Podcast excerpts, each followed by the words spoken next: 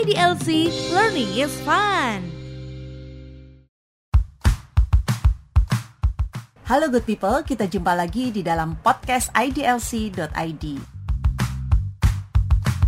Saya dengan Irma Divita. Saya dengan Glena. Uh, hari ini kita akan bicara tentang dampak pencabutan izin mendirikan bangunan. Nah, iya tuh barusan Ah. barusan kan kita dengar tuh di berita tuh di Iya. TV ya ditayangin Iya, ya katanya benar. pemerintah mau ngilangin IMB. Katanya soalnya IMB tuh nyusahin katanya. Orang jadi mau usaha susah banget. Apa-apa semua harus punya IMB gitu, Mbak. Iya bener, saya juga uh, denger tuh temen saya tuh kan temenku tuh mau ngadain uh, usaha kursus nih. Uh, dimintanya sekarang melalui OSS itu harus punya IMB yang setara dia harus punya gedung tempat kursus di mana tempat kursus itu uh, se- setara kayak sekolahan gitu loh Glenn. Padahal dia bentuknya kan ya namanya kursus belum tentu sebesar itu gitu loh. Iya, nggak perlu Kan harus bisa- punya ruangan kelas berapa banyak gitu ya, Mbak ya. Benar. Artinya kecuali emang dia mau diriin sekolah gitu ya. Mm-mm, Kalau misalnya dia bergeraknya di bidang uh, usaha kursus kayak atau enggak uh, seminar yang sifatnya temporary, dia harus punya gedung yang dicantumkan di dalam IMB dan kok IMB-nya itu harus memang memenuhi uh, syarat-syarat tertentu lah untuk dijadikan sebagai tempat belajar mengajar gitu. Padahal waktu aku dulu ngeles tuh ya Mbak ya Ngelesnya padahal cuma di rumah gurunya tuh iya makanya kan dulu kayak misalkan nih orang ngelesin piano misalnya Mm-mm. gitu kan dia bikin usaha ngelesin piano yang datang da- datang ke rumah-rumah Mm-mm. terus mengurus izinnya kalau dia harus punya eh, gedung sekolahan kayak Yamaha gitu kan. Waduh, Gimana? padahal pianonya cuma satu tuh Pianonya cuma satu Gurunya cuma satu dan gurunya pun datang ke rumah gitu Iya, kan nah itulah mungkin yang menjadi eh, apa namanya concern dari pemerintah untuk eh, dicabut IMB-nya nah ini Hmm. eh, sebenarnya kan IMB ini kan berdasarkan kepada Undang-Undang Nomor 28 2002 tentang bangunan gedung juga mengacu ke Undang-Undang Nomor 26 2007 tentang tata ruang serta PP Nomor 36 tahun 2005 tentang peraturan pelaksanaan Undang-Undang Nomor 28 dan tahun 2002 tentang bangunan gedung. Kalau kita baca peraturan-peraturan itu nih Mbak, Mhm. sebenarnya itu penting nggak sih IMB itu? Ah, kalau menurut aku pribadi sih ya, kalau memang bukan sebagai syarat untuk eh, suatu usaha tertentu, artinya eh, kalau dikaitkan dengan suatu usaha memang jadinya eh, agak merepotkan sih. Jadi Glenn. sebenarnya Heeh. kalau untuk eh, harus diperjelas kali ya nggak bisa cuman kita generalisasi Ya, bahwa ya, IMB akan dicabut nggak gitu ya. Mungkin kembali lagi zaman sekarang ini kan senangnya clickbait. Iya tuh, tahu-tahu nanti ternyata yang dicabut apa doang, Apa doang. gitu. Jadi Eh, seperti yang eh, jualan gorengan ternyata nggak perlu Iya, IMB. Iya, jualan gorengan nggak perlu IMB. Terus kemudian kayak kursus piano seperti itu ternyata nggak perlu IMB. Tapi masalahnya kalau aku pribadi sih ya Glenn kalau sampai bener-bener dicabut nggak usah pakai IMB itu bisa kebayang nggak sih ada bangunan Bahaya banget bangunan di mana-mana iya. tanpa rencana dan bisa jadi malah bangunan itu safety safety-nya juga kurang nggak ada yang ini ya pengawasnya ya nggak ada istilahnya yang ya. memberi jadi pemberian izin itu juga akhirnya menjadi kayak ah nggak penting akhirnya Mm-mm. begitu nggak penting orang bisa diriin bangunan di mana aja gitu Mm-mm. sebetulnya mungkin nggak kayak gitu kali ya Nah, sebenarnya kan ya kalau kita baca lagi ke undang-undang sama PP-nya yang eh, tadi udah kita refer di sebelumnya, eh, dasarnya kita dibuat ada peraturan tentang IMB tuh apa sih? Eh, kalau bo- boleh kita tahu, kan eh, kita eh, bikin suatu aturan itu kan ada dasar-dasarnya ya, Mbak ya. Mm-mm, Terutama benar. adalah Indonesia itu sebenarnya wilayah yang rawan banget sama eh, bencana atau bencana alam ya khususnya Iya. ya. malah sampai ada yang ngomong bahwa Indonesia itu ring of fire katanya Hmm. karena dia eh, dilingkari sama gunung berapi yang aktif jadi sewaktu-waktu di mana pun bisa meletus dan itu juga berbahaya Dampaknya bisa kita nggak tahu juga sampai mana Ya, ya. gempa yang pasti, Mm-mm, gempa. Belum lagi kita berada di lempengan pertemuan, lempengan-lempengan yang eh, kadang-kadang suka eh, ngambek nggak stabil gitu kan. ya Stabil. Jadi kan masih labil masih apalagi kalau lagi labil. PMS ya mbak Iya, ya Gimana ya kalau misalnya kondisinya seperti itu, baru uh, kita mendirikan gedung tinggi padahal di tanah itu titik itu ternyata rawan, rawan Mm-mm. atau ternyata tidak bisa didirikan bangunan lebih dari dua tingkat misalkan. Mm, itu kan bahaya banget ya mbak Bahaya, ya. betul. Mm-mm, jadi kalau uh, da- dilihat dari uh, apa idealisme awalnya kita bikin IMB tujuannya itu kan kita supaya um, pendirian bangunan-bangunan itu tertib ya mbak ya dan ada kepastian hukum dan Iya. lagi pada saat kita pengajuan IMB kan kita ada banyak syarat-syarat administratif yang harus kita penuhin. Misalnya kayak uh, bener nggak sih kita orang yang berhak untuk punya uh, apa mendirikan bangunan di sana, bener nggak sih tanahnya ini punya kita gitu kan.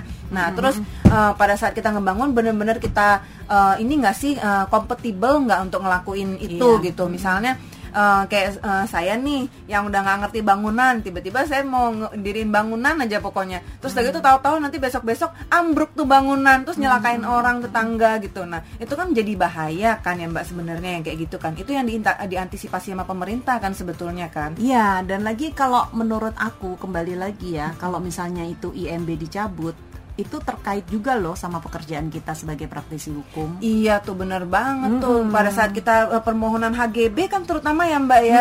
Gimana coba lahan kosong terus kita mohonin HGB Ya, sebab nah ini nih kayaknya para pendengar perlu tahu bahwa kenapa sih kadang-kadang orang suka tanya sama kita bahwa eh, kok saya mau eh, ngajuin sertifikat HGB tapi kok nggak bisa dikeluarin? Kok mintanya IMB ya boro-boro kan kita kan masih mau bangun gitu kan? Nah, kenapa? Karena HGB itu pada dasarnya adalah hak yang diberikan oleh negara kepada perorangan eh, untuk mendirikan bangunan. Di atas tanahnya siapa? Tanah yang dikuasai oleh negara. Makanya kalau misalkan kita mengajukan permohonan HGB baru tanah kosong itu menjadi masalah, bisa nggak keluar HGB-nya gitu. Iya namanya judulnya aja udah hak guna bangunan ya Mbak ya Iya, hak guna Masa bangunan. tanahnya yang diajuin ya Mbak ya nggak ada Iya, bangunannya benar. Terus Nah, juga kalau pas mau ditingkatkan dari HGB ke hak milik, itu kan juga syaratnya juga IMB, Glenn. Mm-mm. Nah kita taunya itu rumah tinggal apa enggak dari mana ya kan Iya, kita nggak mungkin datengin semua rumah yang kita kerjain ya Bu Iya, ya benar. Termasuk juga eh, kalau mau perpanjangan HGB. Perpanjangan HGB pasti ditanya lagi, ada nggak IMB-nya? Iya, atau Gitu. misalnya ternyata bangunannya tadinya eh, dia cuma dikasih izin untuk eh, bangun eh, dua tingkat, terus tiba-tiba dia ngerubah-ngerubah sendiri tuh Mbak, tiba-tiba udah jadi tahu-tahu jadi tower gitu Mbak, ya kan? Itu kan ngeri banget ya. Padahal misalnya kawasan itu eh, em, apa kita harus memperhatikan kesepadanan juga kan dengan lingkungan kan. Ternyata di daerah itu nggak boleh untuk ini misalnya deket-deket eh, airport tuh Mbak, tiba-tiba kalau ada tower gitu kan ngeri banget tuh Mbak. Iya, benar, kan kita benar. harus perhatiin tata ruangnya juga ya Mbak ya. Nah, kalau misalnya kita nggak ada yang namanya suatu lembaga namanya penerbitan IMB ini, kita tahu dari mana kita boleh apa nggak diriin uh, bangunan di mana, terus uh, berapa tingkat. Nah, terus udah gitu uh, apa? Secara ininya uh, jalur hijaunya itu gimana kita bisa tahu juga kan? Dan berarti kan um, pemerintah juga nggak tahu kita punya bangunan di sana tuh. Nah dan itu pun sebagai IMB pun sebagai salah satu syarat bahwa uh, kita bisa menggunakan sarana prasarana prasarana umum tuh mbak yang disediakan oleh negara. Nah misalnya kayak dialiri air listrik segala macam kita kan harus punya izin juga IMB juga. Kita mau Iya. mau pasang listrik mau minta PLN diminta IMB kita juga kan mbak Ya betul betul. Termasuk juga ini Glenn, kalau misalkan eh, kita mau bikin kerjasama Glenn, Hmm. kerjasama itu kan konsep eh, hukum di Indonesia ini adanya eh, istilah yang namanya horizontal skiding atau pemisahan horizontal antara kepemilikan bangunan dengan kepemilikan tanahnya. Jadi bisa jadi Glena yang punya eh, apa namanya tanahnya, aku yang punya bangunannya. Iya, Nah, habis gimana udah habis buat beli Iya. tanah, nggak bisa bangun tuh mbak. Nah, caranya membuktikan kepemilikan tadi dengan adanya IMB yang terdaftar atas nama aku gitu loh, Glenn. Jadi Hmm. tanahnya tetap punyanya Glena. Nah, kondisi yang seperti itu, misalkan kita mau jaminkan ke bank pun, itu selalu bank kenapa pasti tanya IMB. Iya, tahu-tahu gedungnya bukan punya aku lagi ya Iya. mbak ya. Dan itu karena adanya kemungkinan terjadinya kepemilikan yang terpisah tadi. Nah, IMB itu menjadi sangat penting sebagai dasar untuk membuktikan bahwa memang uh, ada asas pemisahan horizontal yang berlaku dalam suatu objek tertentu. Nah, misalkan bisa jadi dijaminkannya cuma tanahnya ke hmm. dipasang hak tanggungan. Tapi bangunannya enggak nih, aku nggak mau ngasih ke Glena. Hmm, nah, misalkan hmm, seperti itu, aku bisa dong dapat uh, pembiayaan dari bank lain dengan memberikan fidusia atas gedung. Iya. Nah, atas mm -hmm. bangunan. Nah, fidusia atas bangunan tadi dengan dibuktikan kembali lagi sama IMB-nya. Iya, gimana juga aku dengan mau jaminin uh, itu gedung terus ternyata itu kan bukan punya aku tuh, Mbak. Makanya, Mbak yang bangun di situ. justru itu. Nah, oleh karena itu kayaknya uh, penghapusan IMB ini menurut aku sih masih tanda tanya ya, Mbak ya. ya. Kita harus mungkin, wait and see ya, dulu nih. Mungkin yang dimaksud sama pemerintah bukan uh, penghapusan dalam arti tidak akan terbit per lagi IMB. Ya. Jadi kadang-kadang kadang-kadang beberapa peraturan itu kita suka kayak udah heboh dulu, udah heboh dulu, panik dulu, panik dulu atau ada surprise di baliknya. iya, atau buat orang yang nunggu-nunggu IMB dicabut itu kayak udah ini banget ya, apa namanya? secerta harapan surga gitu ya, iya, ya, Mbak ya. Soalnya banyak loh Glenn, zaman dulu itu kayak hmm. orang tua aku tuh suka yang dulu beli rumah-rumah lama misalnya hmm, itu itu nggak ada IMB-nya karena emang zaman dulu itu nggak penting gitu iya, loh IMB. orang ini tanah-tanah saya gitu iya, kan kenapa harus ngebangun nggak boleh gitu iya, ya nah kalau hmm. sekarang nggak bisa karena memang adanya ketentuan undang-undang bangunan gedung ya harus memenuhi safety harus memenuhi hmm. banyak hal lah dalam hal ini hmm. nah belum lagi juga terkait seperti yang uh, apa ketentuan mengenai keserasian lingkungan, mm -hmm. terus koefisien dengan uh, KL, KDB, KLH uh, begitu ya. Apakah itu mengganggu hmm. lingkungan apa enggak? Hmm. Kita kan juga istilahnya kalau bukan orang yang uh, tahu mengenai tata ruang suatu uh, negara atau suatu lingkungan itu, kita kan nggak tahu ya Mbak ya. Yeah. Kita cuma merasa loh orang saya perlu kok ini hmm. bangunan set, uh, setinggi lima tingkat karena hmm. misalnya nih Mbak ternyata aku rumah nih karena itu ya kita semua uh, harus gempet-gempetan gitu ya Mbak di rumah. Jadi satu rumah itu kan orang zaman dulu nggak boleh anak-anaknya keluar tuh Mbak. Iya, jadi, jadi satu rumah, rumah semua keluarga 10 uh, orang iya gitu ya. 10 orang masih dikit ya mbak ya kalau bisa 20 10 orang keluarga aduh benar deh oh iya ya kayak misalkan di Minangkabau itu rumah hmm. gadang bisa isinya banyak tuh. iya nah itu hmm. mungkin yang juga uh, apa akhirnya misalnya tanah cuma segitu-gitunya hmm. udah mahal ya udah deh jadi naik ke atas deh mbak deh terus iya. tahu-tahu ternyata nggak boleh lima nah, tingkat di situ iya, masalahnya hmm. makanya uh, sebenarnya hmm, IMB itu juga nantinya akan dikaitkan dengan pembayaran pajaknya, Glenn. Nah, iya tuh sering Orang banget berpikir tuh. juga kadang-kadang PBB atau pembayar mm -hmm. bukti pembayaran pajak bumi mm -hmm. dan bangunan. Mm -hmm. Nah, pada saat dia memiliki PBB, dia merasa oh, dia tanahnya belum disertifikatin, terus kemudian ada PBB-nya, dianggap PBB itu adalah bukti kepemilikan mm -hmm. atas tanah, padahal dia bukti dia pakai tuh tanah itu selama iya. beberapa waktu mm -hmm. lamanya. Terus dari itu seringnya juga di PBB eh, di PBB-nya tuh mm -hmm. masih yang tanah kosong gitu loh, Mbak. Mm -hmm. Terus kan bayarnya murah tuh, Mbak, mm -hmm. ya. Nah, terus padahal sebenarnya di sana udah ada bangunan istana gitu loh, Mbak. Iya, bener mm -hmm. aku pernah loh Glenn itu ngalamin. Iya. Jadi dia uh, bangunannya itu udah pakai lift Waduh keren banget tuh mbak Udah pakai lift Terus kemudian semuanya ber AC dan mewah Udah gitu itu di dalamnya itu cuman rumah apa PBB-nya isinya tuh cuman uh, 36 meter ataukah 48 meter gitu loh lupa persisnya. Ya ampun. Dan padahal ya, itu sudah istana pakai nah, lift ya Mbak ya. Makanya pada waktu itu kita tetap dengan dasar IMB nanti PBB-nya pun juga harus dibenerin uh, ya, direvisi ya. ya.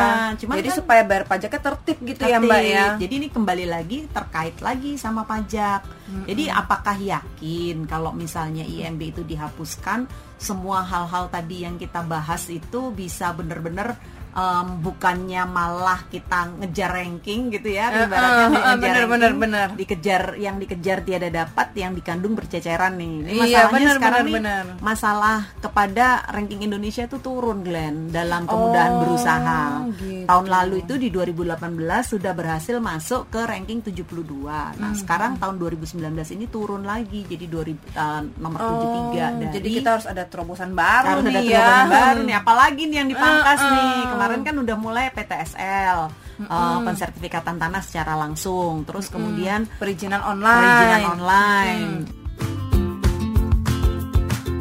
Terus sekarang Uh, kita eh, hak tanggungan kita udah nggak usah lagi tuh mbak Iya, daftarin kan daftarin. Jadi online udah mulai semua. sistem digitalisasi. Mm-mm. Terus kemudian juga untuk eh, investasi melalui OSS. Jadi kalau dulu kita eh, harus mendapatkan izin dulu dari BKPM, baru kita bisa buat akta notarisnya, baru bisa kita memulai usaha. Kita harus ngapel sekar- terus ya ke BKPM Iya, ya. Nah kalau sekarang langsung bisa bikin akta. Izinnya nanti nanti aja setelah benar-benar mau dilaksanakan. Oh gitu. Mm-mm. Ada waktunya nggak tuh tenggat waktunya nggak Setahun, tuh? setahun. Ah, Jadi, setahun ya mm, berarti ya. Tapi ya kita dimudahkan banget lah ya di sini ya. Ya, sebetulnya dimudahkan, tapi ya itu tadi dimudahkan tetap juga jangan nabrak banyak hal ya. Karena kalau Iya. masalah IMB itu tadi seperti yang udah kita bahas tadi kan terkait sama kepemilikan tanah, Mm-mm. terkait dengan pe- apa eh, pajak, Mm-mm. terus terkait juga dengan tata ruang. Mm-mm. Aman nggak nih aman bangunannya? nggak bangunannya. Heeh. Terus kemudian terkait juga dengan Lingkungan. lingkungan. Terus tiba-tiba nanti kita Ngelanggar jalur hijau lagi melanggar pula. jalur hijau atau malah jalur merah yang nggak boleh Iya, dibangun heeh. gitu kan Atau ternyata misalnya di sana eh ada ininya, ada jalur air, terus kita ngebangun di situ orang lain Saluran jadi air, nggak bisa punya air. nah itu Mm-mm. hal-hal kayak begitu yang saya pikir eh, kita harus kaji lagi lah ya Glenn ya Iya, bener sih. nggak Kita- bisa sih kayaknya se semerta-merta kita tiba-tiba Iya. bilang ini suatu izin ini soalnya IMB ini memang izin yang cukup penting mungkin Iya. kalau mau dibikin kalau boleh saran nih aku nih Glenn eh, sebagai apa namanya eh, pengamat bisnis Wih, ini aku berpikir bahwa kadang-kadang masalahnya adalah masyarakat memang kesulitan kalau harus selalu punya IMB yang sesuai dengan usaha yang mau ak- dilakukan. Hmm. Karena kan tidak semua misalnya seperti tadi yang kita contohin mau ngadain les piano aja, kita harus punya kayak gedung sekolah IMB yang menggambarkan bahwa itu kayak tempat kursus yang kayak eh, memenuhi standar, memenuhi standar kursus, gitu ya. gitu kan. Padahal kan yang namanya kursus kan kita bisa aja kita kasih kursus eh, sekedar cuma-cuma atau kursusnya itu bukan cuma-cuma lah. Maksudnya cuman door to door gitu ya, Iya, datang ke rumah ke- atau kita ngasih les-les bahasa Inggris Iya, misalkan heeh, dan atau yang kita- pada akhirnya itu bukan uh, suatu perusahaan yang dibangun jadi besar ya mbak ya Iya, sebenarnya itu kan ataupun- personnya iya, ya orangnya ataupun kalaupun besar pun juga bentuknya eh, dia kan bisa menyelenggarain di tempat seminar misalnya Mm-mm, seperti itu. mm, bener bener bener Iya kan? Nah, Iya. itu mungkin yang harus eh, ditinjau lagi kalau masalah itu. Cuman kalau eh, apa namanya di- dihapuskan atau dipermudah.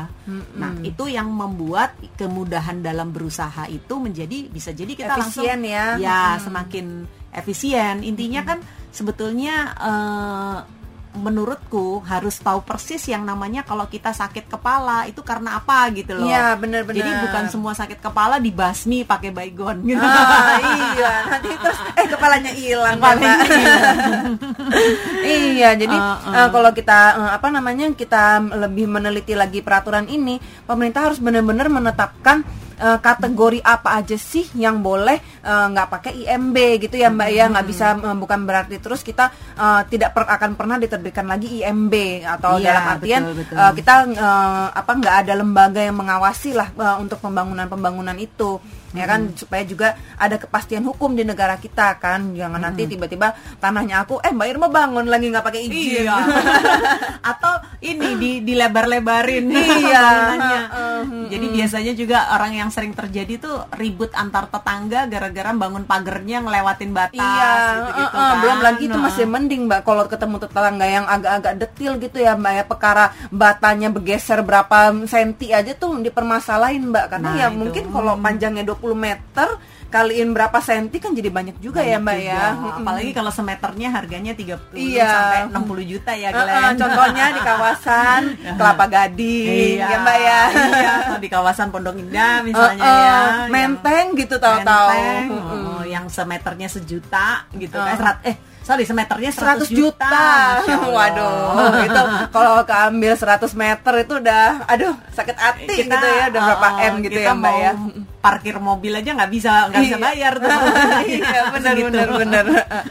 Jadi kesimpulannya Uh, iya. kita harus uh, masih inilah ya kita menunggu-menunggu kebijakan dari pemerintah dan semoga sih kebijakannya itu uh, tepat sasaran ya, Mbak ya. tepat sasaran dan sesuai dengan kebutuhan yang betul-betul dibutuhkan oleh masyarakat untuk meningkatkan kemudahan berusaha dan dan karenanya secara otomatis juga meningkatkan ranking Indonesia di dalam uh, di antara 190 negara dalam uh, ranking tentang kemudahan berusaha. Hmm, jadi kita sekarang jangan panik dulu nih Mbak nih. Iya. jangan heboh dulu, kita tunggu aja nanti uh, kebijakan selanjutnya. Siapa tahu clickbait. iya, mana tahu kan. Iya.